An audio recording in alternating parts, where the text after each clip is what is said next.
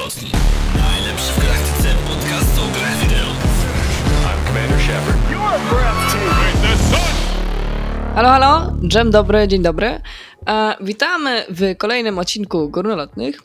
E, dzisiaj sobie pogadamy na temat e, bardzo e, fajnej powieści, bardzo ciekawego autora oraz dlaczego wszędzie wpycha się lema i futurologię. e, moi I drodzy. o memach z papieżem. I o memach z papieżem obowiązkowo. E, W ogóle piękne były figurki z papieżem na e, wrocławskich Dniach Fantastyki, ale o tym później. Dobra, a naszym gościem przy tym wszystkim będzie nikt inny, a Maciej Głowacki. Bardzo mi miło. Dzień... Tak, staram się. Powoli, bo się roz... Dzięki, su, budka suflera jak zwykle przerwała. Bardzo mi miło w każdym razie. Dzień dobry wszystkim obecnym. No, więc e, Maciej, powiedz mi pokrótce, e, kim jesteś, dokąd zmierzasz? Kwowadis. Co Ale tak jest? pisarska odpowiedź Kwowadis. w sumie tak. Ja mam takie przyjemne uczucie, że każdego roku chyba sobie poszerzam portfolio o kolejną rolę, a przynajmniej się staram, więc gdybym miał to streścić, to wydaje mi się, że zasadniczo to jestem pisarzem, narrative designerem w studiu gier, memiarzem i psychologiem z wykształcenia. Także to są takie role, które na siebie przyjąłem. Jak to powiedział e, Hide the Pain Harold, this is the role the internet people gave me. Także wydaje mi się, że to jest to. Dobra, a teraz co ci przynosi dochód z tego? Na pewno nie psychologia. I teraz śmiech przez łzy, rozumiem. Nie, ale, ale nie mogę nie wspomnieć tego, że doktor psychologii u nas e, rzucił tematem, że panowie szykujcie się na to, że nie ma z tego pieniędzy. Panie prosimy o znalezienie sobie męża na Politechnice, a panów o nauczenie się kładzenia glazury. Także na pewno nie psychologia.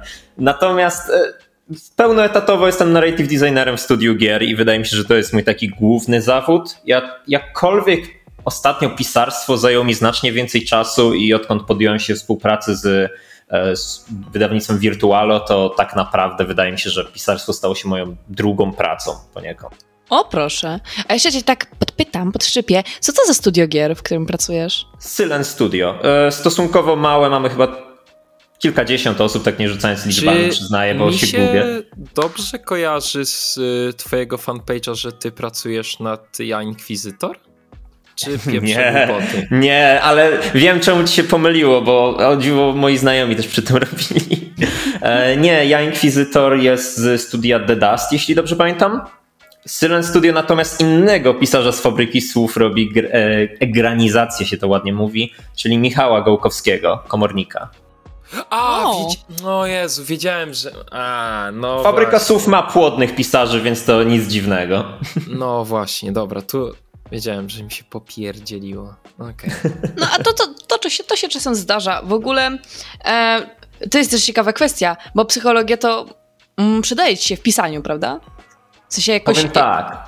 E, bardzo, ale najbardziej przydaje mi się to, czego się nauczyłem przy okazji psychologii. Tak mi się wydaje. Znaczy, psychologia jest y, takim dodatkiem. Wydaje mi się, że studia wybrałem z pasji ogólnej do tego, jak działa człowiek, czy też co się kryje w sercach ludzkich, rzucając też tekstem z gry.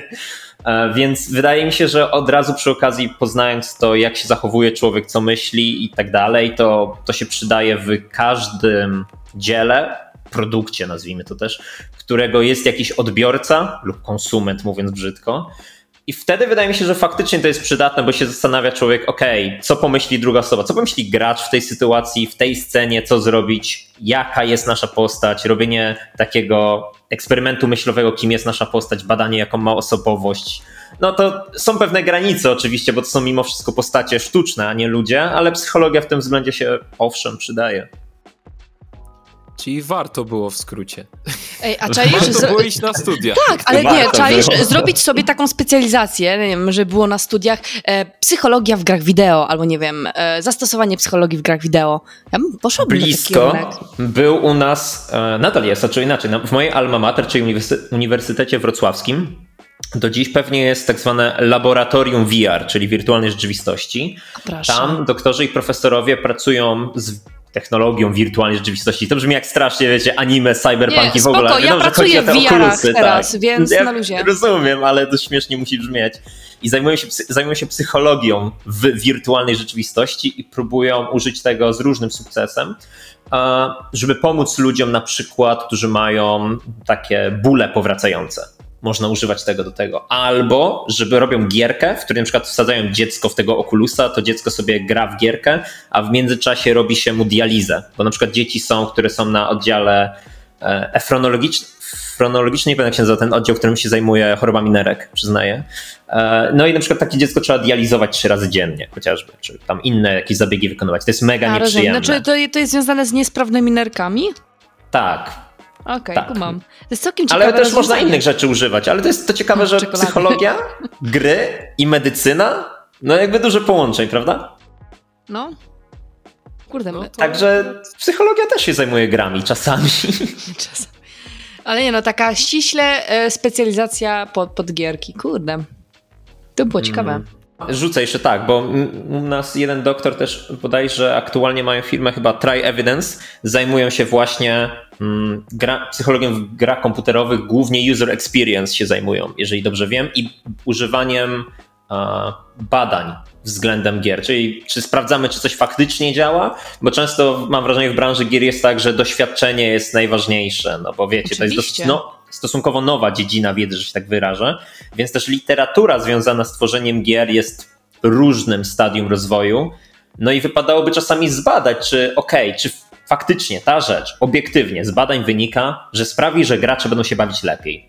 Na przykład. I można takie rzeczy badać i tym się można też zajmować. I wtedy psycholog no, się za te przydaje. największe firmy, które na to stać, robią takie rzeczy właśnie, Tak. żeby taki market research na zasadzie, co się może sprawdzić potencjalnie, a co nie, albo co lepiej, albo co gorzej. Nie, bo jak klepnie dobra immersja, to już mamy w sumie pół sukcesu, nie? To prawda, a czasami można też odejść trochę od tej psychologii bardziej dowodowej, metodologicznej, a wejść w takie rzeczy, wiecie, psychoanaliza, wczesny Freud i w ogóle, który jest w kulturze bardzo fajny do pisania scenariuszy i w ogóle. To ja będę wrócę do tego. A No. Senua Sacrifice, tak? Tak, tak. I Bam! to jest typowo, to jest Freud. Cała ta podróż, cała fabuła to jest psychologia typowo. To znaczy oczywiście sprzed 100 lat teraz się to mocno zmieniło i nurty i wszystko, ale mimo wszystko jest to podróż psychologiczna bohaterki, tak? I to jest świetne. To ja ci powiem, e, wrócę tutaj do mojej ulubionej serii JRPG-ów, które Karol tak bardzo uwielbia. Nie, Persona. A, czyli, czyli gierki z Excela. Nie, właśnie nie, nie z Excela. E, Obadaj sobie Personę piątkę, Personę czwórkę i Personę trójkę. To jest po prostu Tak, majstersztyk. wiem- wiem, że istnieją w te połowie gry. pierwszej. Nieprawda. Nie wiem, to jest tak... No nie, nie, nie, nie, nie. Policja. Nie, Słyszałem ale od czytelników o tych grach. słucham. Słyszałem od czytelników o tych grach, że się zachwycali i polecali mi wielokrotnie, ale obawiam się, że po prostu nigdy, jak ktoś ładnie mówi, nie, nie odhaczyło moich tickboxów, tak, na, na to, co ja w grach lubię, A, mam wrażenie. Rozumiem. A, No, właśnie, ja jestem co? japońszczyzny po prostu. No, e, chociaż nie, no w sumie e, miałam takie, mam dwa pytania. Pierwsze z, właśnie to, co musi mieć gra, żeby Maciej Głowacki w nią zagrał? Wow. To dobre pytanie. Musi mieć interfejs, bo inaczej jej nie odpalę. Te- Taki żarcik, pani redaktor. Tak zwany humor. O Jezu. E, Ja doszedłem, ostatnio zrobiłem rachunek sumienia, taki prawdziwy. I wyszło mi, że granie w gry jest chyba drugą najczęściej robioną rzeczą przez taki wolumen godzin z mojego życia w całym moim życiu. Prawdopodobnie zaraz po spaniu. Gry komputerowe stanowią większość mojego życia, więc wydaje mi się, że z takim dużym prawdopodobieństwem mogę powiedzieć, że jest mniej gatunków, których nie lubię, niż gatunków, które lubię. Większość gatunków gier lubię i gry potrafią mnie naprawdę wciągnąć potwornie, chociaż ostatnimi czasy człowiek się dziadzieje, nawet nie że dziadzieje już tak nie ma tej miłości za wiele, ale wydaje mi się, że nadal jest mnóstwo rzeczy, które grach potrafią mnie wciągnąć. Uwielbiam, kiedy historia za pomocą narzędzia, jakim są gry komputerowe, jest opowiedziana na nowo. W taki sposób, jaki na przykład film tego nie opowie, serial tego nie opowie, książka tego nie opowie. Przykładem Czekałam, aż o tym przykład- wspomnisz. Tak, no to, to, jest, to jest zawsze ten y, taki konflikt artystyczny, czyli jakie dzieła, czym się różnią od siebie, że, je, że książka nie opowie tego, co serial, albo nie pokaże ci czegoś i tak dalej. Bo ja tutaj tak jest. chciałam nawiązać do bardzo fajnego anime e, cyberpunkowego e, i do gry. Boję się, boję się. W sensie, e, for example, ja bardzo lubię cyberpunka, e, grę, e, ale nie Grę każdy musi ją lubić, prawda? Ale Edge Runners, ja po prostu tam lub kocham to anime. To, w sensie, no serio, no to jest w sumie anime, nie? Edge Runners. Tak, no, no Jest to robione przez. Studio Trigger, więc... No musi, to jest anime, to jest, uznajmy to jest anime, jest to dziwo polsko-japońskie anime, co jest śmieszne. Jak usłyszałam podsiadło, to miałam takie... O, Ja miałem takie, Jezu, czemu to jest podsiadło, czemu to nie jest Quebo? Quebo byłby tak idealny w tej scenie, z tym swoim właśnie takim, jeśli nie chcę brzydko powiedzieć, ale takim stylem bycia, że wszystko jedno, trochę taki rap, takie życie nowoczesne dosyć, neopunkowe, whatever. Myślę, że Quebo by tam wjechał jak złoto, a zamiast tego usłyszałem podsiadło i miałem takie, o, mogę powiedzieć rodzicom, na pewno im się spodoba podsiadło. podsiądzie im. Podciągnie. Pani redaktor. To będzie Panie ciężki cień. To będzie ciężko. Oj, Ale tak, Edge Runners i, i przyznaję, że też e, fajnym zabiegiem, jakkolwiek prostym było to, że na przykład bez spoilerów użyto muzyki z gry chociażby. Tak? Czyli No, to było I want to stay at your house bodajże, to jest to muzyka z outro, zakończenie. To naprawdę pokazuje, jak się przeplatają pewne media. Gra z anime, jako, anime jako reklama też gry, tak? Poszerzenie. To statystyki Steama pokazują, że to był taki trochę No, strzał w ładnie im dziesiątkę, jeżeli chodzi o to. Tak. Ładnie, ładnie. Także anime wykonało swoje zadanie według mnie. Tej gry nie ratuje do końca, ale... To jest kroczek ku. Cyferki, cyferki ładnie wyglądają. Powiem tak, ja ograłem Cyberpunka i uważam, że jest grą przyjemną, fajną, natomiast to, co dodają do Cyberpunka, nie jest tym, czego mi brakuje w Cyberpunku. W ten sposób. Znaczy, I rzeczy, którym bym chciał, nie można ich tak łatwo w patchu po prostu dodać, mam wrażenie. To, co ja bym od tej gry chciał, to tego się wręcz bym powiedział, że nawet już nie da dodać i tego nie dodadzą. Znaczy, dla mnie ta gra to jest taki pomnik niewykorzystanego potencjału. No, w sensie, gdyby oni ogarnęli dupę i nie wyskakiwali z tym jak Filip z Konopi i, nie przyspieszali tego, tylko zrobili do końca to, co chcieli, no to ta gra byłaby naprawdę, naprawdę wysoko. A Chociaż- tak to Powiem ci, jest że jest. tło... Chociaż w sensie- tyle, jeszcze tylko no. dokończę wątek, że chociaż tyle, że zdiczowali już te stare konsole do tego nowego DLC. To już, to już jest duży plus. Cho, chociaż tyle zmądrzeli, że, Ej, że, kroczek że do przodu. Już nie wyjdzie na te, na, na te stare sprzęty. Nie, w ogóle dla mnie to jest fantastyczne samo Night City, jak jest zbudowane i jak to w ogóle świetnie odwzorowali w Edge Runnersach. To jest po prostu wow. Mnie trochę męczyło szczerze momentami to, że oni nagminnie używali kadrów z gry w anime, jako takich overpaintów jakby, kiedy widzimy to, i to jest śmieszne, bo też ja ograłem Cyberpunka, moja narzeczona nie, trzy dni temu czy cztery obejrzeliśmy Edge Runners e, i ja miałem co chwilę, jak kojarzysz ten mem z Leonardo DiCaprio, że on wskazuje na ekran i mówi, o, Tak, to tak, będzie, tak, to, jest ten, tak. to jest ten ja i mówię, o, to jest scena, o, to jest apartament ten, o, to jest, w, to jest w grze, to jest tam. I momentami to już była przesada, kiedy na przykład są sceny z kamer i ja mam wrażenie, tego nie potwierdziłem, więc nie chcę wprowadzać nikogo w błąd, ja mam wrażenie, że tam przynajmniej raz czy dwa pojawił się dosłownie screenshot z gry jako tło. Ojejku. Ja miałem takie wrażenie na tych że było e, hakowanie, tam Kiwi chyba sprawdzała przez kamery, to ja miałem wrażenie, że przecież to jest z gry, to nie jest narysowane. A. Mnie to jest trochę męczyło. W sumie, jako takie puszczenie oczka. No w sensie nie byłbym zdziwiony o tak, gdyby, gdyby w ten sposób to No bo na przykład UI, UI był z gry. E, Całe hakowanie, to sudoku tak zwane, to e, netrunnerskie, e, UI przeciwników, że się im pojawiają czerwone trójkąty nad głowami, UI w postaci tam zaznaczania i hakowania ich umiejętności, to wszystko było po prostu ściągnięte z gry i przemalowane jako takie, nawet nie puszczenie oczka, epilepsja brwi po prostu do każdego, który grał w Cyberpunka. Ej, patrzcie, pamiętamy, że zrobiliśmy tę grę. I domyślam się, że mojej narzeczonej to w ogóle nie przeszkadzało, no bo nie zna Cyberpunka jako gry, a ja miałem takie co chwila, tak, wiem, I'm familiar with the gra. Dobra, bo w sumie tak odpowiedziałeś na to pytanie, że, że nie odpowiedziałeś. To trzy ostatnie Przepraszam, uciekłem. Czy ostatnie Odpowiadaj Nie, no, w tej chwili już. Tak, dokładnie. Odpowiadaj w tej chwili. Nie ma ucieczki od tego. Okej, s- sprzedam wam mm, Road Warden na pewno. Road Warden wyszedł kilka dni temu. Znowu Jest muszę to... googlować, no. A Ale it's spróbuj Google sobie. time. Kilka dni temu była premiera bodajże gry, ja byłem wtedy za granicą, więc miałem tylko laptopa, na którym nic by nie poszło, poza grą tekstową. O ironio. I Road Warden jest de facto nowelą fantazy, w którą się gra. I to jest naprawdę fajne. To robiła głównie jedna osoba, nie chcę tam mówić, bo nie wiem jaki był podział filmu, wraz z pomocą jakąś z zewnątrz na pewno i dodatkowym wsparciem, ale głównie jest to dzieło jednej osoby przez 4 lata jakieś. Także naprawdę jest to gra z kategorii, że ja wsiąkam i ja wierzę na moment w ten świat i ja wierzę, że ja jestem tym Road Wardenem. I to, co mi sprawia wtedy w grze przyjemność, to jest ten high concept, to sprzedanie mi tej iluzji. Wiecie, że jak się bujam po lianach w Nowym Jorku, no to jestem Spider-Manem, a tutaj wierzę w to. Ja na moment mam to mimikry, tak, z, antropo- z ludologii, antropologii zabawy, także jedna z tych podstawowych rzeczy, które sprawia ludziom frajdę, to jest udawanie kogoś, taka zabawa w dom trochę, tak. No to ja myślę, że jestem Takie war- road wardenem. Tak, no to, to jest dokładnie to. Jakby gry mają cztery podstawowe funkcje tam zabawy. Jest ten e, Inix, Vortex, e, Agon i Mimicry. Czyli gry, które sprawiają zabawę na, dlatego, że są kompetytywne, bo kogoś udajemy, bo są grami szans, albo są grami oszołomienia tak zwanymi. No to to jest gra Mimicry typowo. Road Warden pod tym względem było świetne. Natomiast Czekaj, z kto o tym pozostałych... pisał, bo e, mieliśmy to na studiach, tylko już...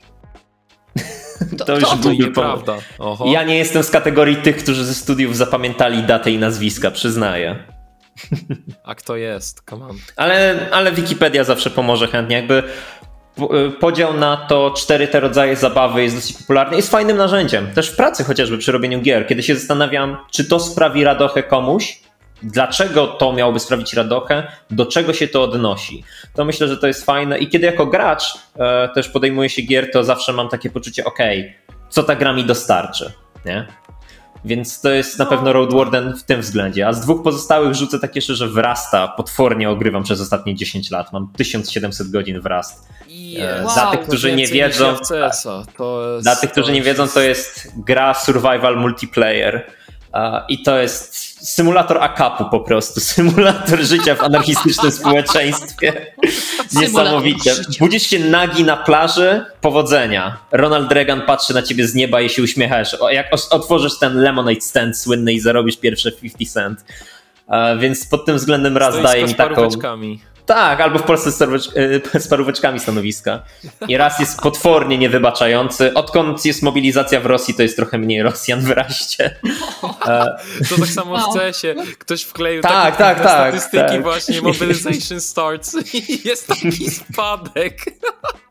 Okrutne to jest, ale bardzo prawdziwe. A trzecie to też pasując No, do tych no. czterech kategorii, e, Zero Sieviert. Trochę psuję, wiem, Jezus że... Maria. Ja jestem jakiś s- No ja ogrywam się w indie gierki głównie, przyznaję. Dosłownie dwa tygodnie temu wymieniłem sprzęt na nowy Czyli jesteś taki pierwszy raz. Indiana Jones. Haha. Pani Dobra. redaktor. O. Bodajże pierwszy raz od wielu lat odpalam gierki, a to jest wczoraj, zainstalowałem Death Stranding po raz pierwszy, ale e, padły mi słuchawki, nim zaczęła się gra, bo Kokojimba tak zaczyna te gry, że kuźwa muszą być te cutsceny, lecą 40 minut, a mi słuchawki już padają no, z braku jest- baterii. Tak. A Zero Sievert jest dosłownie jednoosobowym stalkerem, robion- robionym przez włoskiego dewelopera gier, który sam zrobił takiego stalkera w 2D połączonego z Tarkowem i to, jest, to jest też coś Steamie? niesamowitego. Jest na Steamie, ale nie można tego dorwać aż do grudnia bodajże, bo trzeba było rok temu się zapisać na Kickstarterową e, fundraising Kickstarterze, żeby dostać Early Access nawet, i jed... tego, Tak. nawet tego nie wyszukuje sklep. Od, od razu y, przyznaję, zrobię taki skok do moich książek, bo e, autor również udostępniał za darmo swoją grę przez długi czas, żeby znaleźć finansowanie. Dosyć rzucał grę jako demo i mówił, elo, to jest wersja 0.27, grajcie sobie w to, a przy okazji jak chcecie rzucić hajs na Kickstarter, to dzięki. I wyszło mu to. I teraz już nie można kupić tej gry, bo on powiedział, że on nie będzie sprzedawał niedokończonego produktu. E, jakby sprzedawał. Jakby, bo jedno to jest dostać ten donate za darmo, że tak znaczy za darmo, z woli niejako i w zamian się daje early access osobom zaangażowanym, takim ewangelizatorem gry, a co innego jest sprzedać early access, co uważa, że nie jest zbyt dobre dla niego, bo nie chce. Więc pewnie w grudniu wyjdzie ta gra, tak mi się wydaje, pod koniec roku. Mam nadzieję, i wtedy będzie można ją na Steam kupić. Ja ją dostałem od jednego z czytelników e, jako prezent i, i się zagrywam strasznie, jest mega przyjemne. O, to się, to się obada. No, pomysł brzmi dobrze. No. W ogóle ta e, strategia z dawaniem dema była świetna i mam nadzieję, że będzie powoli powrót do tego. Przecież jak ogrywało się demko, to się wiedziało, z czym coś się je, nie? Czy, czy zainwestować w daną grę. no ale to ci powiedzą, że im się nie chce tego robić, bo na Steamie możesz zwrócić po dwóch godzinach. To prawda, tak powiedzą. To jest, jest smutne. W sensie, No jest smutne, dlatego że te dwie godziny to jest taka wartość, która w jednej grze pozwoli ci przejść połowę, a w drugiej grze nie pozwoli ci zrobić nic, więc to jest tak... Pa patrzę się tu na Death Standing, godzina minęła jeszcze i ja mam tutorial nadal. No, no, dlatego, no demo jest fajne, ale demo to jest po prostu dodatkowy koszt, bo bardzo często nie możesz po prostu wyciąć kawałka gry, bo na przykład Mhm. nie chcesz czegoś pokazać, albo coś chcesz ograniczyć i tak dalej, i tak dalej, więc no też się w sumie nie dziwię, że to jest już mało popularne, bo za dużo Każda godzina włożona przez dewelopera w przygotowanie i wypuszczenie dema, to jedna godzina mniej, którą spędzi na dokończeniu tej gry. Także no to jest rzecz, trochę A to. poza tym, no to jest, nawet jak już załóżmy, że chciałbyś to zrobić na koniec, tak? Czyli, że masz wszystko przygotowane, no to jest po prostu dodatkowe siano. A game dev jest drogi jak cholera, po prostu. no niestety, coś Game jest. dev się robi, jest strasznie drogi. Drogie, Tak. drogie jest dosłownie wszystko. Więc no, jak sobie pomyślisz, ktoś tam na górze wejdzie w Excela i zrobi kalkulację, no to te demka obstawiam, że w 99 przypadkach na 100 im się ni cholerę nie opłacają, po prostu. Jest ja po prostu em, też e, mówię to przez taki, nie wiem, pryzmat nostalgii, że się zawsze te demka ogrywało, bo było za darmo. E, tak to wiesz. No teraz też jak już są, to są za darmo, nie? No ciężko, żeby płacić za No. demo, no. To, to już by było lekkie przegięcie. A myślisz, że ktoś byłby do tego zdolny? O, Mówi się za przed różnymi zjadliwymi komentarzami wobec wielu gier. Meanwhile Sony Nie. wypuszczające The Last of Us po raz trzeci za 80 dolarów, siema. Skyrim patrzę na ciebie. Nie, ale Wypuść nie, dziewiąty raz. tutaj, tutaj będę stawał w obronie. Dlaczego? Skyrimu? Tak, będę, stanę się na chwilę adwokatem diabła. Dlaczego? Prosta rzecz. Oni by nie wypuścili tej gry 10 razy, jeżeli ludzie by tego nie kupowali jak pojebani, za przeproszeniem. No ja rozumiem, Sorry. wolny rynek, popyt, podaż i tak dalej. Nie no, ale taka jest prawda, no. Czy, czy komuś by się chciało inwestować choćby złotówkę w to, jeżeli on by nie zobaczył, że ty, ale ludzie znowu to kupili 100 tysięcy razy? No nie. To jest takie, wiesz, Well, it works. tutaj akurat... Tutaj akurat bym powiedział, że tak nie do końca to A. Last of Us kupują? że- Czy The Last of Us kupują? Bo nawet nie wiem, przyznaję. Czy, czy się sprzedaje? Nie wiem To- jak, nie wiem. Y, Sony raczej tego nie udostępni tych danych, o ile to nie będzie duży sukces na tej zasadzie, więc Trochę jak z Rosjanami. jakoś- Jeżeli, jeżeli coś mówią, to to, jest, to to jest kłamstwo. Jeżeli nie mówią w ogóle, to się zdarzyło. Także obstawiam, że jeżeli to nie będzie dla nich jakiś taki sukces, y, który sobie gdzieś tam założyli, to raczej nic nie powiedzą, nie? A, a jak się uda, to, to pewnie gdzieś tam za jakiś czas zobaczymy jakieś infografiki, że tam o, sprzedali, nie wiem, 2 miliony Mil- sztuk. 2137 kopii Tak. w ogóle na wiem, czy sukces. 2137, tak, trigger warning z papierem, uwaga, żarty nadciągają.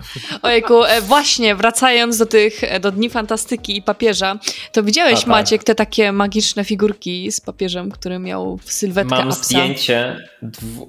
A tak, tak. Mam, mam zdjęcie z dwoma czytelnikami wydarzeń, mają. Jedna osoba ma figurkę papieża takiego od połowy, od pasa w górę, takiego napakowanego pudziana zabijaki, a drugi ma tego Elden, Żółwia. tak, Elden Ringa, tak, żółwia ma tego papież To jest- to i, i zrobiłem ankietę, kto by wygrał, który papież jest silniejszy. O, także Nie no. tak, widziałem. W ogóle merch z papieżem to jest dla mnie temat rzeka, niesamowite to jest po Ale prostu, że się to ja bym nawet poszedł szerzej, że jakby fenomen całego jakby beki z papieża to jest jakby kosmos. Dla mnie przynajmniej. W sensie już tak długo to jest ze mną, że ja to traktuję totalnie normalnie, ale. To jest część naszej kultury. Tak. Tak, dokładnie. I, I to mega głęboko się, się zagnieździło już u nas, ale powiedz jakiemuś, nie wiem, jakiejś osobie z zagranicy, że ciśniemy bekę z papieża, to się na nas popatrzy jak na chorych psychicznie ludzi. Ale ja tak Zupełnie. byłem na tych grupkach internetowych, zagranicznych, typu International Meme Exchange i tak dalej, gdzie się rozmawia na przykład o memach i postuję z zagranicy i mnóstwo takich hermetycznych. I naprawdę nie znalazłem jeszcze innego kraju, który miałby aż tak centralną, kultową powszechnie znaną postać jak papież. W Wielkiej Brytanii można by powiedzieć, że królowa Elżbieta, ale to w ogóle nie jest to. To nawet to nie nie jest w tym blisko. kontekście nawet. W sensie Tak, to nawet nie jest blisko. No, no, no, no to, to, to, Mamy stronę jednego z najważniejszych, mamy tak centralną postać, jak inne kraje nie mają w ogóle. Nie mają, mają ważne postacie, ale nie ma postaci, która jest aż tak, nie chcę użyć brzydkiego słowa, ale przerolowana, że on jest wszędzie, że jego sprzedają ciągle, że są setki, napisane tam opowiadanie, są setki posągów z papieżem, wszędzie. I to tylko tych oficjalnych, nieoficjalnych nie idzie doliczyć. w sensie- Tak, wszędzie jest papież. jest po prostu No, to bzdura, jest- po prostu jakieś... Rzucę temat. Rzucę tylko temat, że był kiedyś w jednym mieścinie papież na swojej pielgrzymce do Polski, chyba drugiej już po upadku e, komuny bodajże. I przysiadł sobie na ławce w parku, bo był zmęczony. I oznaczyli dalej. Nie, lepiej. Ją zablokowali. Pomnikiem bodajże albo tablicą. I na, tej tablicy, tam pomniku, który blokuje tę ławkę, że nie można jest usiąść, jest, że w tym miejscu Jan Paweł II o godzinie bla, bla, bla, przysiadł na moment, żeby odpocząć, bla, bla, bla, ulicy i tak dalej. I pomyślcie sobie, co to oznacza. Jak nasz kraj działa, że papież stwierdził, wow, ta ławka jest fajna, żeby na niej usiąść i odpocząć. Spełnia swoją funkcję. I ludzie patrzą na to i myślą, ty, spełnia idealnie swoją funkcję. Wypieprzmy Odhaczył to. wszystkie trybiki. Tak, jakby Ale- wywalmy Ale to w takim razie. Przez chwilę stańmy i tak spróbujmy popatrzeć na to z boku, jak, jaki to jest poziom kuriozum. Kurwa, przecież to jest tak chore. Żadna inna postać na tej planecie nie jest otoczona kultem w taki sposób, żeby blokować ławkę, bo ktoś na niej dupę posadził, za przeproszeniem. Widziałem, ma, całą, cały mam zbiór takich rzeczy, typu, że helikopterem wylądował przed jakimś oszonem Tak, czy czymś jest- takim. Tak, i za, zablokowali cztery miejsca parkingowe gargantuicznych rozmiarów, dwa na dwa samochody, płytą pamiątkową z napisem, że tu wylądował helikopter papieża. Tu No. zaparkowałem. Tak, tu zaparkowali. U- Umiecie sobie wyobrazić miejsca parkingowe jednorazowego użytku? W ogóle to brzmi najbardziej, jak najgłupsza z rzeczy, jakie można by sobie wyobrazić. No, a jednak. Papież jest po prostu jak zwiastun apokalipsy. Gdzie przejdzie, tam jest śmierć i zniszczenie. Jak on dotknie Zajęte czegoś, to masz miejsce. przyrąbane. Wejdzie ci do mieszkania, nie masz tego mieszkania, sorry, on już jest własnością państwa, od teraz jest tu Muzeum imienia Jana Pawła II. Masz przerąbane, smyku. Smyku. No, to jest... Ale też terror. powstało dużo past z papieżem, nie? Oj, mnóstwo, mnóstwo. Kocham. To jest, prostu... nie no, to, to generalnie jest najbardziej memogenny materiał. W sensie nie ma bardziej takiego, y, takiej postaci, takiej rzeczy, która by, wokół której by narosło więcej Za, materiału. zaplączę dwa tematy. Kiedyś w jednym tygodniku, którego nazwy nie pamiętam, a i nawet bym nie chciał pamiętać, zapytano trzech ważnych Polaków e, o to, jakich uważają za 10 najważniejszych Polaków w historii. I na liście każdego z nich od góry się znajdował praktycznie papież, Wałęsa, Maria Curie-Skłodowska, jakieś takie, tak dalej.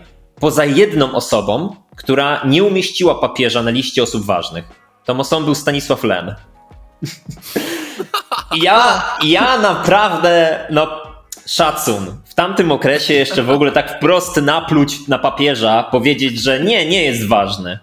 Nie, to, to Lem to kurczę, no prekursor. Ale po liście Lema widać, jaką jest osobą, jak on tam od góry do dołu, jakieś Marii Skłodowskie-Curie i Łukasiewicz, pewnie tam chyba był ten od lampy Łukasiewicza i tak dalej. Wiecie, bardzo naukowe takie osoby, które mają powiedzmy dorobek Faktycznie rzetelny i ważne. rzeczywisty do, przeciwieństwo takich religijnych postaci, w tym sensie religijnych, że nie wierzących, tylko że takich kultywujących, kapłańskich postaci, tak? Że nie papież, sposób. tylko jakiś naukowiec, tak? Że to są ważne osoby, że nieważny jest papież, ważny jest jakiś profesor na przykład. No, także Lem. Szacun. A Pod tym względem szacun Lem, no. To było W tym coś. wypadku szacun dla Lema. W tym wypadku szacun dla Lema. Górnolotny. I'm Commander Shepard.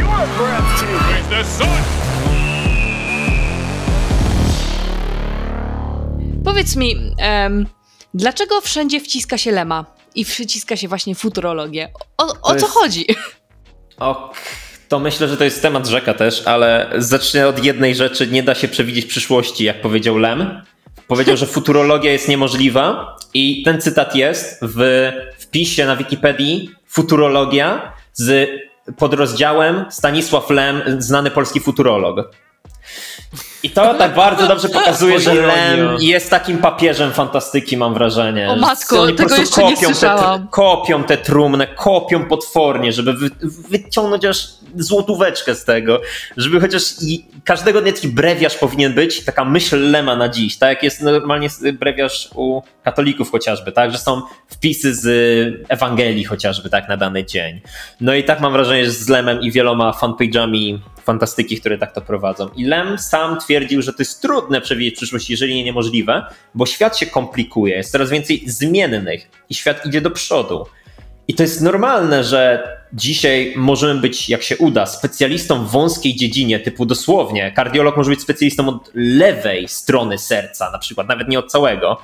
A kiedyś, no to wiecie, takie omnibusy, ludzie po prostu renesansu, którzy byli mistrzami tego, tamtego i tak dalej, co też mieli oczywiście ogromną wiedzę i tak dalej, ale po prostu było też mniej zmiennych, mniej informacji, więc była pewna skończoność w tym.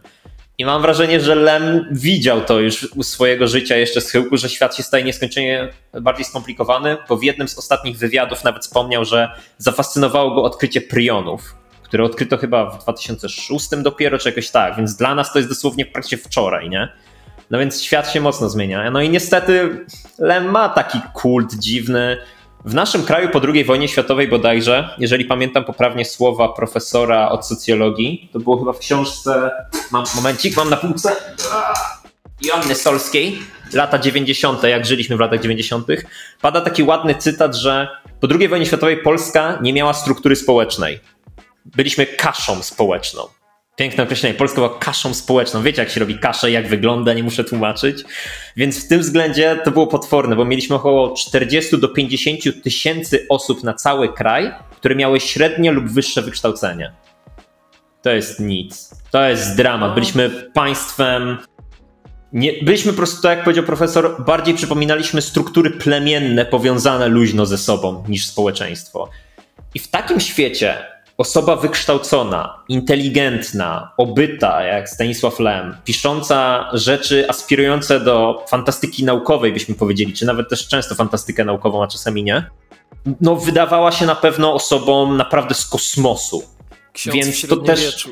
Coś takiego. Naprawdę nie dziwię się, że osoby z tamtego okresu mogłyby naprawdę twierdzić, że Lem pisał niesamowite rzeczy, od których kopara opada. Dzisiaj, czytając na przykład rozważania o fizyce kwantowej Lema z Solaris, tam, że promieniowanie gamma, czy ono się tam rozpadnie na fotony, czy na właśnie promieniowanie gamma, te neutrina, z których była zrobiona dziewczyna głównego bohatera. I ja podesłałem to mojemu znajomemu, który jest doktorem po fizyce kwantowej z Oxfordu i jakkolwiek nie rozumiem tego sam, to mnie po prostu wyśmiał, że to są bzdury z perspektywy dzisiejszej wiedzy. Nie, ale no, no wiedza jest dla danego okresu i pewien poziom poprzeczka jest też dla danego okresu, No. więc Lem pisał fajne rzeczy. No, był potrzebny na ten okres, w którym się znajdował. znajdował. No i też Ja. polityczne jego powiedzmy działania, to jest trochę kontrowersyjne, bo on na początku, jak się przynajmniej czyta jego biograficzne rzeczy, on pisał bardzo pochlebne rzeczy o komunizmie, o czasach Stalina i tak dalej. I to jest duże no-no w naszym kraju. Po śmierci Stalina trochę sobie stopniał i stwierdził, że w sumie to nie, w sumie to beka z tego, beka z PRL-u, beka z socjalizmu i tak dalej.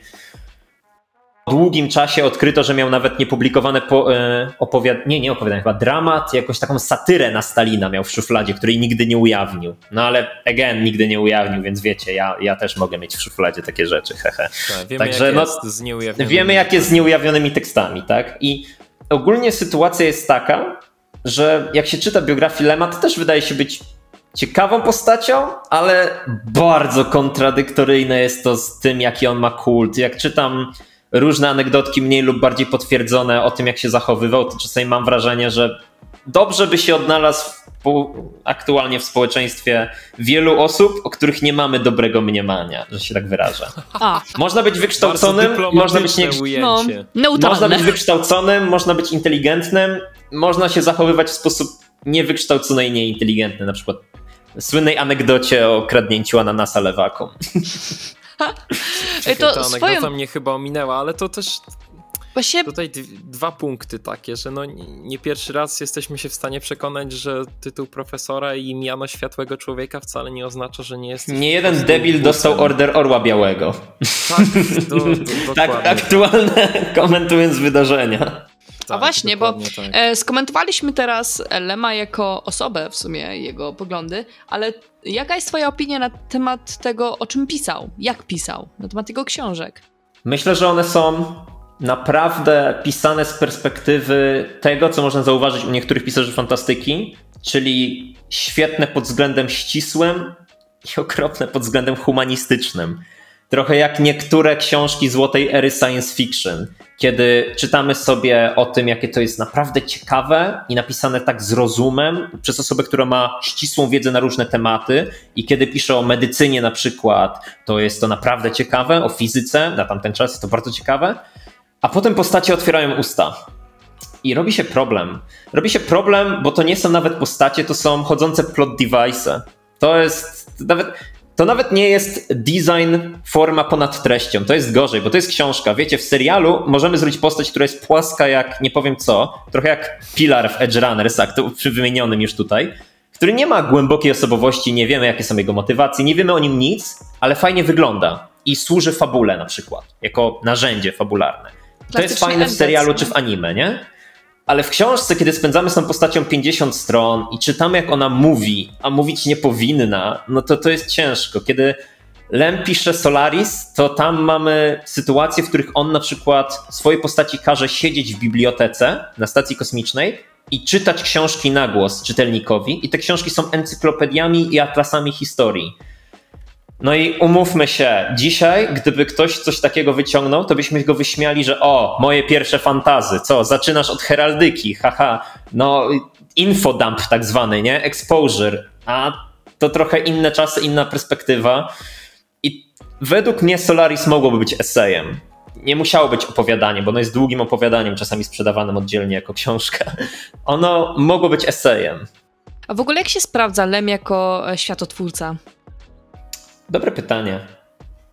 Szczerze, mm, z tych pozycji nie czytałem wszystkich oczywiście pozycji Lema, ale z tych, które czytałem, wydaje mi się, że świat jest tam jedynie albo tłem, albo jest jedynie pewnym narzędziem przekazania formy. Przykładowo, e, planeta, bo nie pamiętam z czego to było, czy z podróży kapitana Pilksa, czy czego tam, dzienników gwiazdowych, nie pamiętam. Było w każdym razie opowiadanie o tym, jak bohater zatrzymuje się na planecie wodnej gdzie ludzie próbują żyć w wodzie, mimo że nie są dostosowani do życia w wodzie. I oni się topią w tej wodzie, ale twierdzą, że umieją pływać. I wiecie, no to jest bez sensu, ale nie chodzi o światotwórstwo, że ta planeta, wiecie, H2O, coś tam, coś tam, tylko to jest taki żart socrealizmu. Że człowiek nie jest w stanie żyć w komunizmie, w socrealizmie tak samo jak człowiek nie jest w stanie oddychać pod wodą. Znowu, światotwórstwo skrócone do jednego zdania, które mogłoby być żartem przy piwie w barze po konwencie, nie? Że haha, planeta komunizm, na której nie da się oddychać. Rozumiecie, bo komunizm jest zły. O. Now love. No to to... I ja rozumiem, na tamte czasy, no to było obśmianie władzy, przy czym też umówmy się w PRL-u, to nie był taki zamordyzm jak za czasów Stalina w, w Rosji radzieckiej. To nie było tak, że ktoś dostał czapę w tył głowy. No nie wiem, Lema wydawał MON, Ministerstwo Obrony Narodowej. Naprawdę robienie opowiadań o magicznej planecie, na której magiczne stwory nie mogą żyć, to nie było zabronione, więc to też ta beka z systemu też była taka różnie udana. Ale to ciężko się, ale też wiadomo, oceniamy to z perspektywy tylu lat, że mamy ten swój bias, tak? To jest No, też tak. inna sprawa. Jakbyśmy wtedy żyli, to pewnie mielibyśmy też o tym inne zdanie i, i staram się to respektować, że gdybym się wtedy urodził i wtedy to czytał, to może by to miało swój specyficzny sznyt, że może byłoby to inaczej, a dziś, jak się to mówi, to już trąci myszką. No, nie jesteśmy w stanie od tego uciec tak naprawdę. Swoją drogą, gdybyś się wtedy urodził, to czy myśl, myślałbyś, czy byś nadal był naczelnym memiarzem e, polskiej fantastyki? Myślę, Czy- że czy- czy byłbym psychologiem w zakładzie pracy. Wtedy były zakłady pracy produkujące pracę. Byłeś naczelnym memiarzem psychologów! Tak, myślę, że to jest bardzo piękne, że udało mi się urodzić, jak chyba Ethan Ortega, Ethan Ortega e, wielki filozof, antropolog, socjolog, badacz społeczny, pisał, że urodziliśmy się w najlepszym możliwym okresie, który ma wiele wad, na które się nie zgadzamy, ale współczesny człowiek nie umie sobie wyobrazić innego okresu historycznego i miejsca, w którym mógłby żyć. Czasami sobie marzymy, robimy utopię, że na przykład w starożytnej Grecji to musiało być pięknie i wspaniale, i ciepło, i wino, i rozważania, i wiecie, ro, ro, praca na roli, no to sobie samo rośnie i tak dalej. Mamy takie Nic marzenia. Tak, ale prawda jest taka, że dzisiejszy świat, nasz, ja zdaję sobie sprawę, że na świecie są okropne miejsca, ja mówię teraz stricte z perspektywy Europy, jest najlepszym możliwym okresem historycznym i miejscem do życia. To jest niesamowity przywilej. I to, że ja mogę sobie prowadzić fanpage, na którym e, robię sobie memy i dzielę się nimi z ludźmi, jest niewyobrażalnym osiągnięciem tak naprawdę technologicznym. Tak? To jest genia- niewyobrażalne osiągnięcie technologiczne i jestem tak uprzywilejowany, że mogę go używać w sposób dowolny. Że nie używam internetu tylko do tego, żeby przekazywać ważne informacje szybko ważnym osobom, ale mogę oglądać te s- przysłowiowe filmiki z kotami. I to, jest, to świadczy tak bardzo o wzroście poziomu naszego społeczeństwa. Nie, ale to jest jedno z cudów, które dał nam internet. Filmiki, Filmiki z z kotami. kotami. Tak. Są te żarty, że AI za każdym razem, kiedy się uczy na surowym po prostu danych, które dostaje z neta, to zawsze wykształca w sobie dwie rzeczy: miłość do kotów i rasizm. I to, O to nie. jest. To, tak.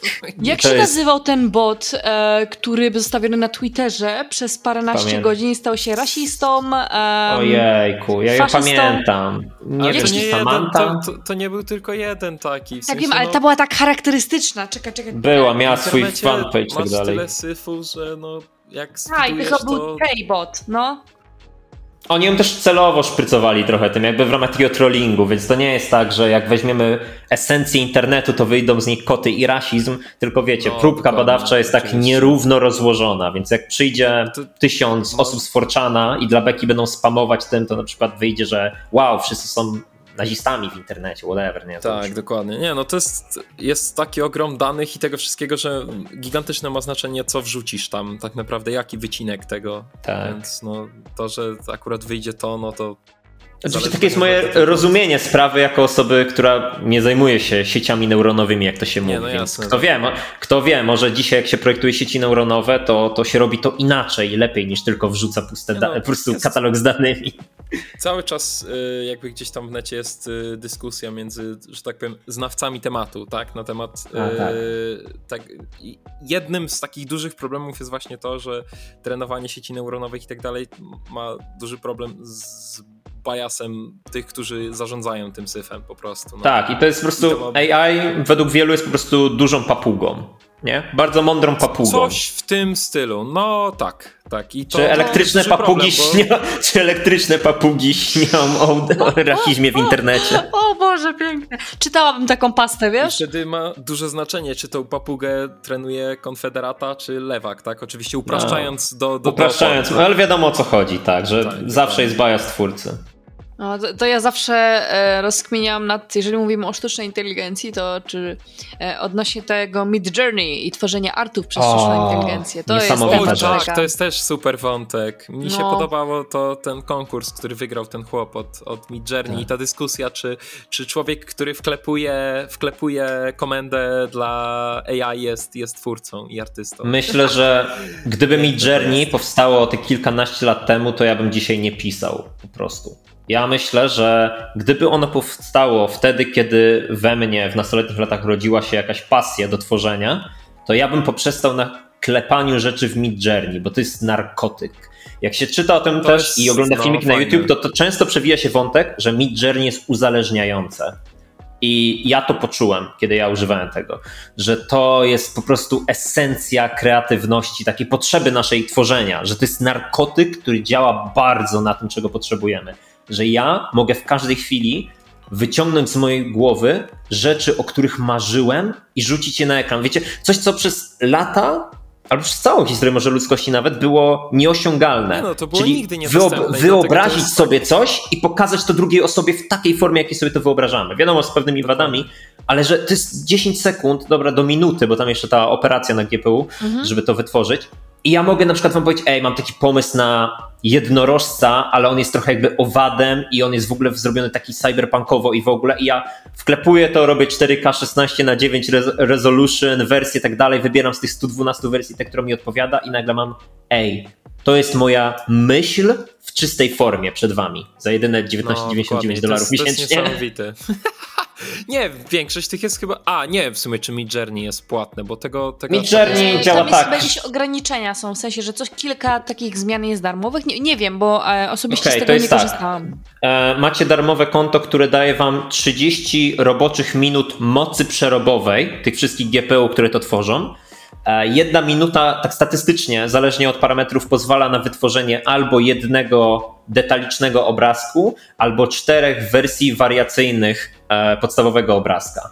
Więc jeżeli zapłacicie, to macie tam za 10 dolarów miesięcznie 200 minut tych mocy przerobowych, a jak zapłacicie tam adekwatnie więcej, to macie jeszcze więcej. Tego chyba No i nigdy pewnie nie jest jest jakiś lifetime pass i tak dalej, no. Tam oni to zmieniają To też działa. mocno. Słyszeliście o tym, że e, jest taka sprawa, gdzie e, nowojorski taki koleżka, e, taki twórca, który robi komiksy, e, zrobił tak jakby wygenerował sobie obrazki do komiksu w Midjourney i tak jakby zarejestrował to jako swoje. Ten projekt bodajże nazywa się Zaria To jest ten taki. To jest to w tym takim zarośniętym mieście zielonym, gdzie bohaterką jest Zendaya, ta z Spidermana. Tak, tak, dokładnie tak. To pokazuje, że grafik nie jest pisarzem, a pisarz grafikiem, bo jak tak przeglądałem sobie to, to wiecie, te obrazki są naprawdę, byśmy powiedzieli, o, ładne, że ktoś się postarał, że ktoś róży. To jest ileś godzin pracy człowieka, ale tak pod względem stricte, nie wiem, scenopisarskim nazwijmy to, to ja tak lurkuję, patrzę i mam takie, no widać, że to łatwo przyszło, łatwo poszło, że ktoś stwierdził, a wygeneruję sobie, zobaczymy jak to wygląda. To Bo wygląda bardziej tutaj- jak concept art albo storyboard, zanim gotowy produkt. W sumie ła- ładnie określone, e, bo z tego co właśnie czy, czytam, to e, nie wiem, czy on tylko wygenerował e, obrazek, czy też tekst. Bo ja nie czytałam właśnie, tego też mi się tak kojarzy, że tekst mógł też wygenerować. Też mi się tak kojarzy. Może dlatego jest no takie możliwe w kiepskie. sumie, no bo też byłoby to... No bo umówmy się, no jakby pisarskie boty istnieją i pewnie kiedyś mogą No nas są, prześcignąć jak są. Detroit Są. Become Human. Pewnie kiedyś AI pisarze będą może lepsi od prawdziwych. Po prostu teraz jeszcze nie są. Jeszcze są za mało zaawansowane. Tak, kwestia tego po prostu, że musisz mieć odpowiednio advanced soft i odpowiednio dużo materiału mu w niego wrzucić, no i tyle. Ja myślę, że jest inny problem, wiesz? Ja myślę, że na chwilę obecną jest taki problem, że sposób, w jaki są tworzone te wszystkie boty przez te sieci neuronowe, bardziej pasuje do tego, czego chcemy od nich pod względem tworzenia wizualnych treści, niż pod tworzenie treści językowych. Dla przykładu, rzucam, to jest taki bardzo ogólny przykład, trochę symboliczny. Jeżeli wytworzycie rzeczy w AI, e, w Midjourney, to one często mają taki bekchiński style trochę, gdzie widzicie bardzo silnie takie fraktaliczne. nie? Takie fraktaliczne mają maźnięcia pędzlem, że widzicie, że one się tam rozmywają, że nie wiecie na co patrzycie. To jest ładne, No. ale kminicie, co to jest właściwie. I teraz, i to okej działa. Że patrzycie na ten obrazek i myślicie, okej, to jest bardzo ładny obraz, to jest super. Ale jeżeli przeniesiemy to na grunt tekstu i nagle macie w środku tekstu na przykład d, d, d, d, d albo dobre, dobre, albo przecinek, przecinek, no to nagle każdy stwierdzi, że to nie jest zabieg artystyczny, to jest błąd. A jeżeli macie taki fraktal dziwny na obrazku, to możecie bronić, że to jest styl. No i It's to not jest a taka bug, różnica. it's a feature. Słuszna uwaga. Tak, dokładnie. Co, coś Ale ja no, nie jestem jedną z tych osób, którą często niektórzy juniorzy programiści są i ja nie twierdzę, że jestem niezastępowalny. Według mnie AI, jeżeli dacie jej dość dużo czasu, środków, ludzi, ludziom dać dużo czasu i środków, żeby to po prostu rozwijali, może kiedyś pisać najlepsze książki świata. I to tak w ciągu, wiecie, pół No ale- godziny na przykład tom. No i wracamy, wracamy, wydaje mi się, do punktu wyjścia, że dalej to człowiek będzie tym, który będzie ostatecznie decydował, no bo AI samo z siebie ci książki nie napisze. W sensie to dalej ty, jako człowiek, musisz zdecydować, co ma ci napisać. Więc to jest. Wchodzimy na grunt filozoficzny, bo tak, Tak, ale dokładnie. tak. Zaczynam myśleć, na przykład, czy, czy to malarz tworzy obraz, czy malarz jedynie tworzy rekompozycję farb i atomów dookoła i w ogóle, że może tak naprawdę twórcą jest sama ziemia, która wytworzyła tę ochrę, tak? Jeżeli mamy ochrę, jesteśmy jakimś neandertalczykiem i przyłożymy głębiej, rękę do ściany i, ta i jest czerwone odbicie, to czy ten człowiek stworzył to? Czy też to jest po prostu ochra o odbiciu jego ręki, który, i żadna z tych rzeczy nie została przez niego stworzona, bo ani on tej ochry nie stworzył, ani on swojej ręki nie stworzył. Więc czy on jest twórcą? To jest On się filozoficzne. Ale, ale uderzenie właśnie w tę stronę, czyli w to pytanie, czy to, co wklepujesz, czyni z ciebie artystę, twórcę, czy nie, jest, wydaje mi się, zasadne. Ale nie I nawet jeszcze, po, po głębi jeszcze, kojarzycie jak są te właśnie odbicia rąk, wiecie, w jaskiniach, tak nie? No, że no przez tak, jaskinie tak. zrobione. ogromna część z nich jest na odwrót, że tak naprawdę przykładają rękę, po czym malują dookoła i odbicie ich ręki jest brakiem farby, a to dookoła jest farba. No tak. I wtedy faktycznie zaczyna być to jego dzieło, bo to on zdecydował, gdzie farba będzie, a ręka zdecydowała, gdzie jej nie będzie. A jeżeli umarzecie farbę na rękę i odbijcie swoją rękę, to to wasza ręka zdecydowała, gdzie farba będzie. I w ten sposób, jeżeli odbijecie tylko rękę, to wasze ciało stworzyło ten obraz, a jeżeli dookoła ręki obrysujecie i ją polujecie, to wy stworzyliście, wbrew swojej ręce. Filozofia. Too deep. Tutaj. I to jest Elon Musk, ten palący blanta, tam Jeruna. I, tak, I Elon tak, tak maluje, czy ja maluję? O nie, dobry trip, nie powiem. Dobry trip, mordo. Górnolotny. I'm Commander Shepard.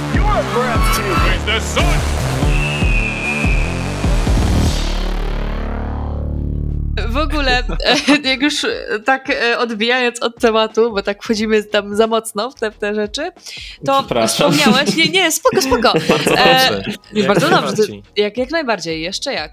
E, miałam zadać pytanie i to w sumie wyjdzie tak trochę z dupy, ale strasznie mnie to ciekawi, więc e, zacząłeś sam wydawać swoje książki. Jak to się w ogóle zaczęło? A ja muszę dodać. No, I po cholerę za darmo. Właśnie, no, no w sumie to jest, no, Bo to jest, to jest niepolskie. Tak nie wolno. To jest bardzo niepolskie. To jest nie po polsku. Tak nie wolno. Mm, Z pisaniem jest tak, że to się łączy też z tym, że ja w ogóle piszę dlatego, że chcę tworzyć. To jest bardzo banalne i ja nie uznaję, że to jest jakaś magia i niesamowite rzeczy. Ja po prostu mam taką małpią potrzebę, że ja lubię tworzyć rzeczy. A no, psychologia pokazuje, że ogromną część rzeczy bierzemy z wiedzy, o, so, o, o sobie bierzemy od wiedzy o nas, od innych, nie? I tak jak na przykład e, chociażby u Hegla, Bóg stworzył wszechświat, żeby się w nim przeglądać jak w lustrze, bo i czym byłby Bóg bez całej reszty, nie? Nie mógłby siebie zobaczyć. I czym jest taki zwykły pisarzyna, jeżeli nikt go nie czyta? Nie? Mógłbym, mógłbym mieć w szufladzie teraz nowy Silmarillion, wybitny, lepszy od Tolkiena i w ogóle, ale jeżeli nikt go nie widział na oczy, to, to tak naprawdę nie ma znaczenia, czy on tam jest, czy go nie ma. I to jest banalna potrzeba, że chce człowiek tworzyć i chce wiedzieć coś o tym tworzeniu od innych, musi się dowiedzieć. Chce, żeby też inni w tym uczestniczyli. I jest też w tym chęć sprawiania innym radości. To jest potężny narkotyk, uczucie upajające władzy, kiedy my tworzymy coś i dostarczamy radość innym, że my stworzyliśmy radość w innych. Wow, jak to jest władza. Uszczęśliwić drugiego człowieka, to jest nim zawładnąć. W bardzo pozytywnym sensie, oczywiście nie jakimś takim megalomańskim, nie wiadomo jakim, ale to naprawdę daje takie poczucie mega feel good, nie, na serduszku. I nagle się okazało, że ja sobie tak pisząc, wtedy miałem na koncie trzy książki, ileś opowiadań, które są tam gdzieś w szufladzie, dwie z nich są do dziś. E, Nie mogłem znaleźć w ogóle wydawnictwa. I to było dosyć problematyczne, bo rynek wydawniczy wtedy, dzisiaj też wcale niewiele lepiej, ale powiedzmy, że to wina też dwóch kryzysów, jest taki w Polsce, że mało kto czyta. Jest taki żart, że więcej osób pisze niż czyta. Pewnie z tym się zmagają pisarze, którzy siedzą na różnych forach fantastyki i piszą sobie teksty. Jest więcej napisanych tekstów niż na przykład recenzji tych tekstów. Problem, nie? Nagle skąd być lepszym, skąd wiedzieć, czy to, co robię, jest wartościowe, jest Skoro nikt nie przesycone jest w ten rynek. ci dać żadnego feedbacku. o właśnie, brak feedbacku to jest chyba najgorsze. Tak, to jest okropne, ale jeszcze podciągnę też ten temat, jeszcze inną zmienną tu rzucę. Robiono badania chyba 8 lat temu, że one są pewnie aktualne do dziś, że wśród marzeń, o które zapytano Polaków, co drugi Polak powiedział, że marzy, żeby napisać książkę. Nie jest to koniecznie jego największe marzenie życiowe, ale to wymieniał wśród marzeń, co drugi Polak. No i teraz wyobraźcie sobie, 50% pisarzy w kraju, w którym około 30% czy iluś tam czyta jedną książkę rocznie mniej więcej, czy jakoś tak. 16% chyba czyta więcej niż 8 rocznie. Wow, no to jest problematik. Można sobie to rozrysować w Excelu, gdzie, się, gdzie jest kołderka za krótka, nie? Więc ja kontaktowałem się z wydawnictwami i to były wydawnictwa nawet duże, które na przykład, jak na warunki polskie mówię oczywiście, które na przykład biorą jednego debiutanta rocznie. Często jest na przykład osoba, która najpierw jest znana, a potem pisze. albo bardzo często się, co byśmy w, biznesie byśmy wiedzieli, że to jest nepotyzm albo znajomości, ale w sztuce to jest normalne, że się robi networking, czyli kogoś musisz poznać, żeby on cię zapoznał z kimś i tak dalej, nie? Teraz Ja tu nie, nie narzekam, tylko mówię, jak Ryzykuję. wygląda początek drogi, tak, z zewnątrz. To nie jest tak, że jestem jakiś obrażony na wszystkich ludzi, tylko po prostu z zewnątrz ciężko jest się dostać. I po dwóch i pół roku odbijania się od wydawnictw stwierdziłem, że ja muszę zrobić to na własną rękę. A odbijanie się od wydawnictw jest w ogóle trudne, bo na przykład kiedy piszecie do wydawnictwa, to oni mają swoje formułki. Po pierwsze, czasami ten e-mail nigdy nie był otworzony. Takie info z pierwszej ręki. Często mają wydawnictwo oddzielny mail na wysyłanie tekstów, żeby nie zaspamować głównego maila wydawniczego. I nikt nie ma pasów w firmie do tego maila, bo nikomu się tam nie chce wchodzić. Tam jest po prostu 700 nieoczytanych maili, 700 powieści, których nikt nie przeczyta. Mają warunki typu proszę Oczywiście. wydrukować tę książkę. Tak, oczywiście dla, dla fantastyki. I mają na przykład warunek, że musisz wydrukować własnym sumptem trzy sztuki tej książki, płytkę CD. Tak, płytkę CD nagrać z tą książką, wysłać na adres z tymi y, napisanymi papierowo, a następnie czas oczekiwania jest do 365 dni i wydawnictwo nie musi, zaznacza, odpowiedzieć ci, ani odpowiedzieć, czy dostało, a czasami przy niektórych wydawnictwach bez wskazywania palcem widziałem zapisy, że po wysłaniu tekst staje się własnością wydawnictwa. I ja Co? nie wiem, na ile, na ile to jest legalne i, i ja myślę, że te wydawnictwa nie bardzo sobie zdają sprawę z tego, co piszą, kiedy tak piszą i ludzie, którzy tam wysyłają, też sobie nie bardzo zdają sprawę z tego, gdzie Nie, wysyłają. znaczy na tyle, na ile mój, moje laickie pojmowanie tego wszystkiego działa, to moim zdaniem nie, dlatego że to jest jakby z automatu przekazujesz im prawa autorskie, a to E, nie może tak najwyżej działać. Ale prawa płytkę im przekazujesz, tak fizyczny zbywa- obiekt najwyżej możesz im przekazać. Nie, no możesz się zgodzić, znaczy możesz podpisać umowę, na mocy której przekażesz komuś prawa autorskie. Bo Znaczy tak majątkowe, robi. majątkowe okej, chyba. To, to funkcjonuje, ale to nigdy nie może działać na takiej zasadzie, że ty komuś coś wysyłasz i on sobie zapisuje w regulaminie, że Ej. teraz to jest moje. No nie. To jest, to jest moje, tak na, na, na, nie działa. tak konkursy na grafikę, jak wysyła 20 grafików konkurs na grafikę i wszystkie 20 przepada, a tylko wygra jedna. Tak, a potem więc oni sobie bazę ciężko. robią. Jest ciężko, jest naprawdę ciężko i uznałem, że to jest trudne, ale parę wydawnictw mi odpisało i bardzo mi się nie spodobało to, co mi odpisały. Wow. Bo Ale teksty na zasadzie takiej, że warunki, czy po prostu byli niemili? Wszystko. To znaczy, były różne, ja, różne, że nie no, różne były odpowiedzi. Jedno wydawnictwo mi odpisało, że trzech recenzentów przeczytało tę książkę. Jed, I tak w skali punktowej jeden dał max, stwierdził, że świetne, drugi powiedział, że średnie dał średnią ilość punktów, trzeci dał najniższą, powiedział, że beznadziejne. Okej. Zapytałem, i co w związku z tym? Dosłownie Odpowiedziano mi dosłownie nic. Także, no tak wyglądało to. Inne wydawnictwo powiedziało mi, czy to jest w ogóle fantastyka, bo przeczytali pierwszą stronę i pewnie zobaczyli, że nie ma jeszcze artefaktów ani smoków, więc uznali, że to nie jest fantastyka, no bo pff, wiadomo. Inne mi powiedziało, że jest za mało krwi, strzelanin i w ogóle napieprzania się. Inne zarzuciło temat, że wątki erotyczne by się przydały. Co? Ale Wow. Jakby What? jeszcze inne bardzo mi się podobało, odpisało mi, że inne dosłownie mi odpisało, że, y, y, że odpowiemy niedługo. Nigdy nie odpisali.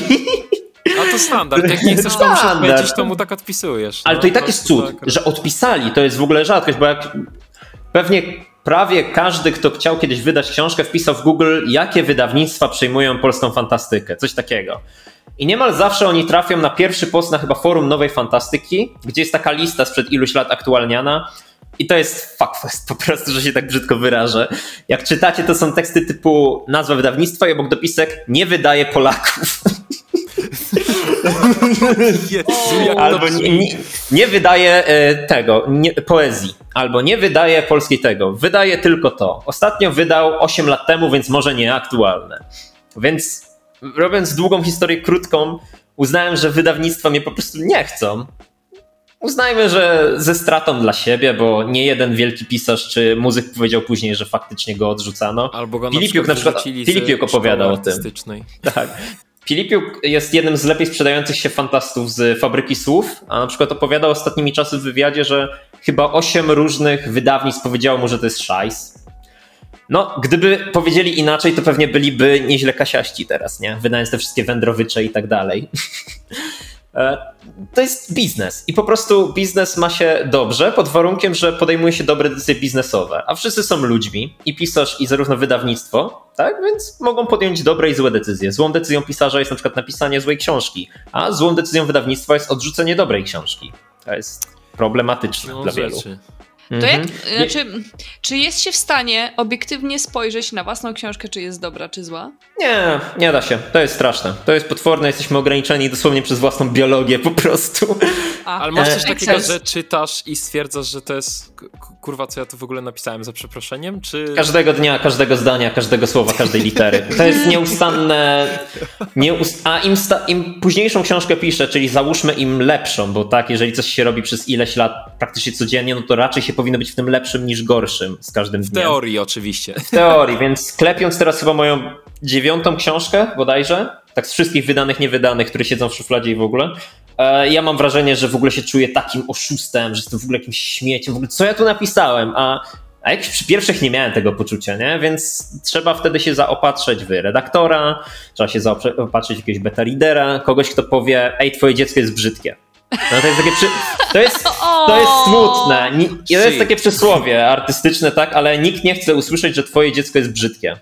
To prawda. I to jest prawda. I to jest w grach wideo też, to jest w muzyce, to jest w obrazach.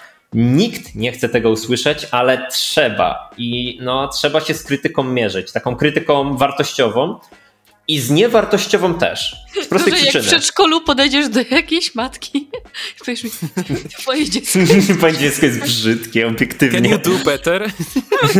Następne będzie ładniejsze, spokojnie. To wyślemy do redakcji. Nie, no ale z, nie, z niekonstruktywną krytyką też trzeba się mierzyć z prostej przyczyny, bo nawet niekonstruktywna krytyka nadal pochodzi od konsumenta, a książka powinna się sprzedać, nie? Albo powinna mieć odbiorcę. No E, to Dlatego prawda. też wiele kiepskich seriali, książek, anime, muzyki, kiepskich mówię teraz stricte tak prawie obiektywnie, że niezgodnych z teorią, z błędami takimi rzeczowymi, które można palcem wskazać, sprzedaje się świetnie, a wiele jest tak zwanych ukrytych perełek. Mnóstwo nie, nie, prawo jesiotra jest coś takiego jak prawo jesiotra, czyli większość rzeczy to gówno, dosłownie tak brzmi to prawo. E, chyba 90, to jest świetne, prawo Tatuję to sobie na czole, przysięgam. Sturgeon No, Karol o. JRPG-ach, nie? No. Tak, To jest, dokładnie. I trzeba się Nie, z tym mierzyć, że świecie. tak, można nie mieć racji, można ją mieć, można czasami napisać świetną książkę i jej nie sprzedać, można napisać beznadziejną książkę i była bestsellerem, można wygrać bitwę i 365 przegrać... Wo- nie chciałem mówić tego na głos. duży teledysk? Musiałem. Można Musiałem. wygrać bitwę i przegrać wojnę po prostu.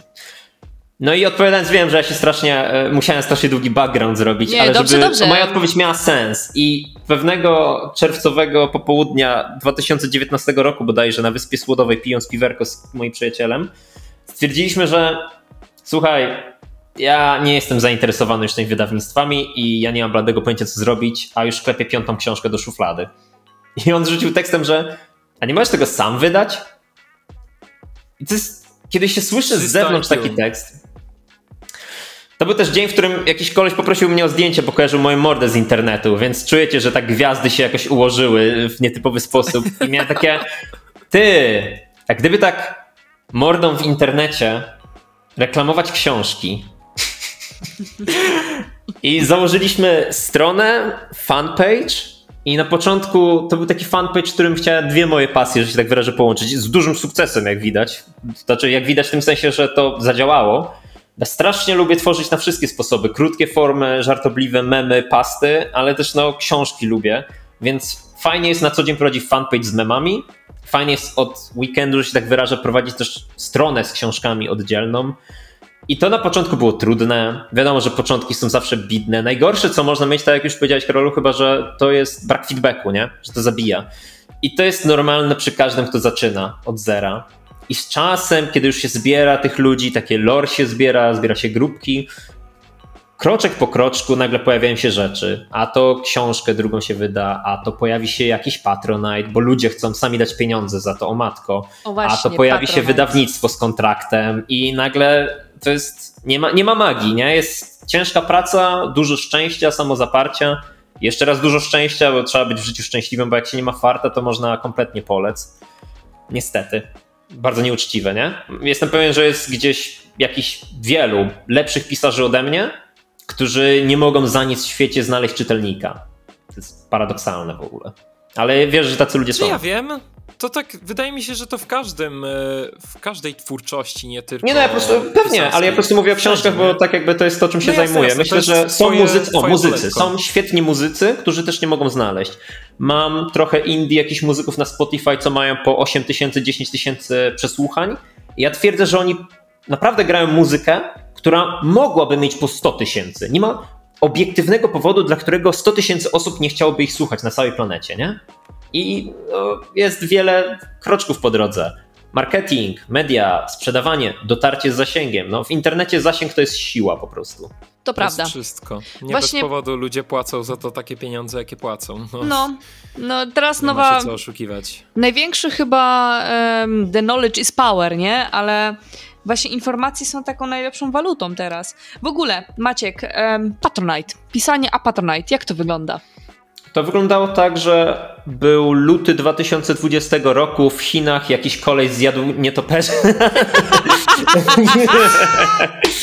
był, wtedy jeszcze się był w internecie żart, nie chcę brzydko mówić, ale frajer nie patogen i no taki news trzecioligowy był, że ktoś tam w Chinach złapał jakieś zapalenie płuc. A ja dostałem wiadomość od administratorki bodajże ówczesnej grupy memicznej skrybawki z takim zupełnie luźnym tekstem, że fajne te książki piszesz, mógłbyś sobie mieć Patronite'a, nie? Ja takie Patronite to, to tam, gdzie ludzie zbierają pieniądze na te różne rzeczy, jakieś skamy i nie tylko skamy, żeby nie było, nie, to był tylko żart, żeby nie było po prostu, jest mnóstwo różnych artystów na Patronite, bo jest tylko platformą i mi się kojarzyło z tymi bardziej medialnymi, a często ci bardziej medialni są różnej jakości, też bardzo dyplomatycznie mówiąc. I nagle pomyślałem sobie, kurczę, czy ktoś zapłaci mi za to? Tak, bo jeszcze wcześniej ludzie wysyłali mi donaty, chcieli sami, żeby nie było. Jakby wysyłali mi jakieś PayPale i przelewy bankowe, z których się muszę rozliczać i tak dalej. I nagle wyszło, że kurczę, to byłoby wygodne dla tych ludzi. No i założyłem sobie tego Patronite'a i o dziwo miał się bardzo dobrze i do dziś ma się dobrze. Jakkolwiek przyznaję, że kryzy- jak są kryzysy, to tak jak mówił Marx, kultura jest nadbudową, tak? I pierwsze co idzie, to się odcina donate. Jakbym też miał problemy z, ten, w związku z sytuacją na rynku większe, to pewnie też bym pierwszy co odciął, to donate dla ulubionego twórcy, tak? No bo to jest normalne, więc to, że teraz jest trochę gorzej, to też wynika z takiej ogólnej sytuacji. I wtedy zauważyłem, że to jest też bardzo wymierne. To znaczy, ja dostaję pieniążki, i powinienem w zamian coś dawać na zewnątrz, nie? Twórcy filmików na przykład tworzą film raz w tygodniu, raz w miesiącu. Jeżeli wpłacicie mi 50 zł, to macie dostęp do sketchu kabaretowego, gdzie bije się po głowie garnkiem, whatever, czym się tam ludzie zajmują, nie? No, i ja doszedłem do wniosku bardzo, który już miałem od dawna i który bardzo się szybko nasuwa ma, na myśl, czyli książki są bodaj, w ogóle literatura, jedną z najtrudniejszych do reklamowania rzeczy w dzisiejszych czasach w so- social mediach. Social media są stricte wynikiem kultury wizualnej. Szybko, teraz, krótko, niewymagająco. Żart na jedno zdanie, tweet, filmik, mem. Książki są całkowitą odwrotnością tego. Książki się pisze koszmarnie długi czas, koszmarnie wymagają długo też od czytelnika, żeby on siadł i to czytał. Wymagają zaangażowania, są domeną taką spędzania czasu męczliwego, edukacyjnego. No, bo bądźmy szczerzy, oglądanie śmiesznych kotków w internecie brzmi jak trochę mniej nobilitowana forma spędzania wolnego czasu niż czytanie książek. By nie mówić o tym. I z perspektywy, mówię teraz, czytelnika, jest to pewnie trudne, żeby się za coś zabrać. No więc reklamowanie książek jest koszmarne. I teraz pytanie, i co ja mam dać ludziom na Patronite? Przecież nie mogę powiedzieć co tydzień nowa książka, co, co miesiąc nowa książka, nie? No więc wyszedłem dosyć upfront z tym, że Elo, Patronite nie będzie wam nic dawał. Mogę wam narysować śmiesznego pieska. Jak wpłacicie mi stówę. Do dziś się nikt nie zgłosił po to. W ogóle z wszystkich osób, które mi wpłacały po stówę, tam próg stówę, nikt się nie zgłosił po ten śmieszny rysunek. E, Bo traktujemy to bardzo jako taką platformę zbierającą, że to jest wygodne dla ludzi mi wpłacać. A to, że ja nie wiem, będę pisać tę książkę 3 miesiące, 6 czy 10 czy 2 lata, no to już jest ich cierpliwość, tak? No. I pod tym względem. Ale na pewno nie jak trudne. Martin, nie? Że, że tam... Ja mam taką teorię roboczą, że Martin już zrobił takie kokosy, że on się już zatroszczył tylko o rodzinę. Ta książka jest napisana i oni po śmierci ją po prostu wydadzą, jeszcze na tym hypie jego śmierci i ta rodzina będzie mieć kupę siana dzięki temu. Ja wierzę, że on taką zabezpie- że on nie potrzebuje tych pieniędzy, że on sobie już zrobił taki, taki testament na zasadzie, że on wie, że ta książka jakby teraz wyszła, no to okej, okay, no more, więcej hajsu dla Boga hajsu, nie? Krew dla Boga krwi. A jeżeli on umrze, to jego rodzina może powiedzieć niczym syn Tolkiena, że ej, mam rękopis mojego starego, chcecie go wydać za kupę siana? Nie? I to, to już wiesz, że chcę wierzyć, że on ma dobre serduszko i tak zrobił. Chcę po prostu tak wierzyć. Nie wiem, jaką on jest osobą, chcę w to wierzyć. No, to nie jest nieprawdopodobne. Znaczy to nie brzmi wcale tak nieprawdopodobnie, no bo to nie ma pewniejszej lokaty kapitału niż książka wyczekiwana przez biliony ludzi na całym świecie. Oczywiście wyolbrzymiając, ale no wiadomo. Trochę hype na grę o Tron spadł, a potem się jak... pojawił House of Dragons, ale ja myślę, że on wróci. Jak tylko umrze Martin, on... to od razu wróci. Ale jak on się wykopyrtnie, no to nagle się okaże, że wszyscy są fanami z powrotem gry. gry jak, jak czas zaprzeszły jest świetny. Wziął się, był, wykopyrtnął. No do, do, dokładnie, no. No więc wiesz, że tak to będzie wyglądało. Czyli podsumowując ten przydługi wątek, warto było wydać książki za darmo. Mm, tak, to znaczy one były tak bardzo darmowe, jak to tylko możliwe. W e-booku i opowiadania też, e, a propos tego też opowiadania są taką fajną, krótszą formą, bo się pisze oczywiście krócej niż książki i to pozwala na to, żeby trochę też częściej ludziom rzucić coś, że ej, jakby co ten Patronite to nie idzie na marne, tylko ja pracuję. Wrzucaj screenshoty po prostu. Czasem wrzucam, ale to, znowu, to jest Facebook, tak, jakby nie no. winię ludzi za to, że im się to nie pojawia w feedzie, bo kogo obchodzi to, że ja wrzucę zdjęcie z tego, że piszę, tak, jakby no to, to jest, no, trzeba, trzeba kontrolować media. że Facebook leci w... Facebook jest domeną wiedzy empirycznej, według mnie algorytm, sposób działania Facebooka to jest niemalże szamanizm. Przyjmujesz na wiarę, że ludzie, którzy się tym zajmują od lat, lat mają wiedzę, ale nie ma dowodów naukowych, że ona jest prawdziwa. Tak jak to, że niektórzy spadną, jeżeli na temat czego? Funkcjonowania Facebooka i social mediów w ogóle. E, na przykład swego czasu wyszła afera, przykład, rzucam przykład, swego czasu wyszła afera mhm. na Instagram, że pewne hasztagi zmniejszają obiektywnie zasięgi. Wśród nich przez pewien czas był hashtag książki. No i, no i teraz wyobraźcie sobie, no, jak to działa. No, ale to wydaje mi się, że to nie jest takie, aż takie nieprawdopodobne. W sensie takim, że social media żyją czym? Żyją trendami. Więc jeżeli oni widzą po swojej stronie w statystykach, że na przykład, nie wiem, weźmy te książki nieszczęsne, tak? W tym wypadku, że ten hashtag, nie wiem, jest mm, na samym dnie, dosłownie, tak. nie wiem. Nie generuje hype whisky. Rzucanie podkowami w powietrze jest wyżej niż książki. Mm, no to tak. jak. Tak, nie, nie generuje, generuje hype, co za tym idzie, nie generuje klików, reklam i tak dalej, i tak dalej, i tak dalej. Jakby całego te, całej tej magii social mediowej, z której robi się pieniądze no to automatycznie, jeżeli ty się w to bawisz, no to sorry, ale lecisz w dół, nie?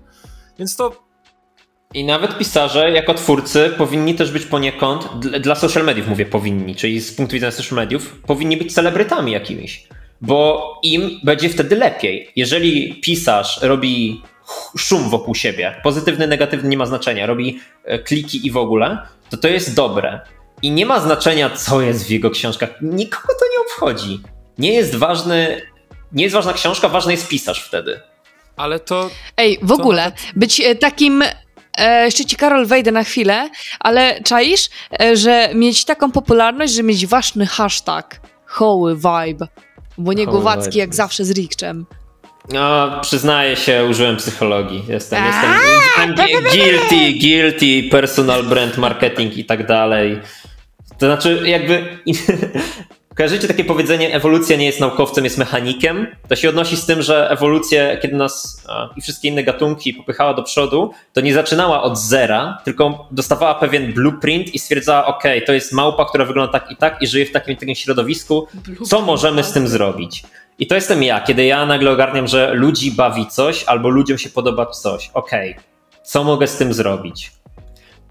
No, jest to organiczne dosyć, nie? No, jest to uczciwe też wobec ludzi, że to od nich mimo wszystko jest, tak? Że nie, nie narzucam z góry nic na nich. Nie próbuję, bo to bez sensu było. Tak jeszcze wracając do tego wątku, że pisarz, pisarzowi się opłaca być kontrowersyjnym, to ja bym stwierdził, że każdemu twórcy opłaca się być kontrowersyjnym po prostu, a im bardziej, jesteś, im bardziej jesteś kontrowersyjny, tym jest lepiej dla ciebie tak naprawdę, bo... To prawda. No, zasięgi. A, ale wiecie co? wszystko. Ja powiem, sprzedam coś. Sprzedam coś, że mam taką myśl.